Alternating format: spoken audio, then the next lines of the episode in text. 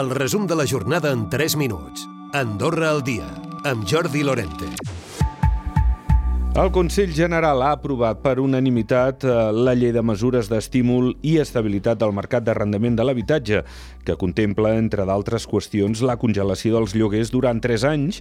En els propers dies els grups s'han de reunir per dur a terme polítiques consensuades en aquest àmbit de l'habitatge.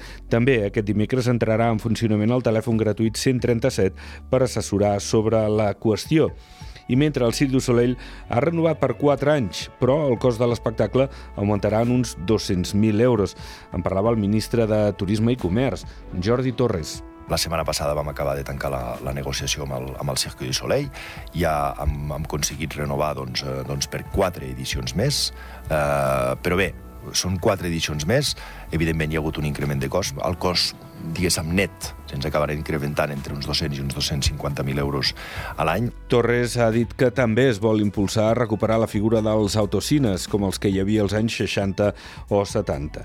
I els organitzadors de la manifestació, convocada per al dia 8 de desembre, hauran de modificar el traçat previst per garantir la seguretat dels ciutadans i els manifestants. Tenen dues alternatives que els hi ha proposat la policia i ara caldrà decidir quina s'acaba escollint. Gabriel Ubach, secretari general de l'USDA. Poc hem de caure en el sentit de ser eh, que, que, que es pugui manipular tot això de, en base a la seguretat, que es pugui manipular eh, el recorregut d'aquesta manifestació i canviant l'horari, canviant el recorregut, canviant-ho tot, perquè llavors això ja aniria en contra dels objectius de la mateixa manifestació.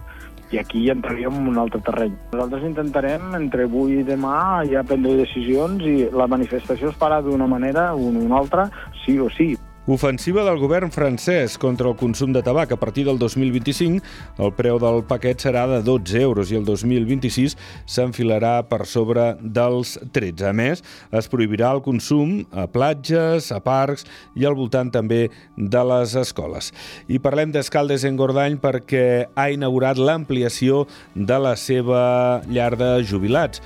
Un nou espai amb més de 600 metres quadrats nous i també una terrassa, sales per dur a terme diferents activitats i més pistes de petanca. Rosa Giles, la cònsol major. Guanyem 600 metres quadrats, ens permet tenir diverses sales per fer diverses activitats, des d'una sala de gimnàsia, de dansa, sala de manualitats, una terrassa fantàstica, alguna una pista de petanca més. Bueno, realment jo crec que és un espai necessari, sabem que la gent gran eh, necessita activitats per envellir bé. Aquesta llar de jubilats escaldenca està destinada al centenar d'usuaris que té habitualment que reclamaven aquesta ampliació. I un home de 32 anys ja ha passat a disposició judicial per violència de gènere. Se l'acusa també de delictes contra la integritat física i moral i contra la llibertat, tot plegat per amenaces. La policia l'ha detingut aquest dimarts a primera hora arran de la denúncia d'una dona qui va agredir en un local d'oci nocturn del Tarter. Recupera el resum de la jornada cada dia a AndorraDifusió.d i a les plataformes de podcast.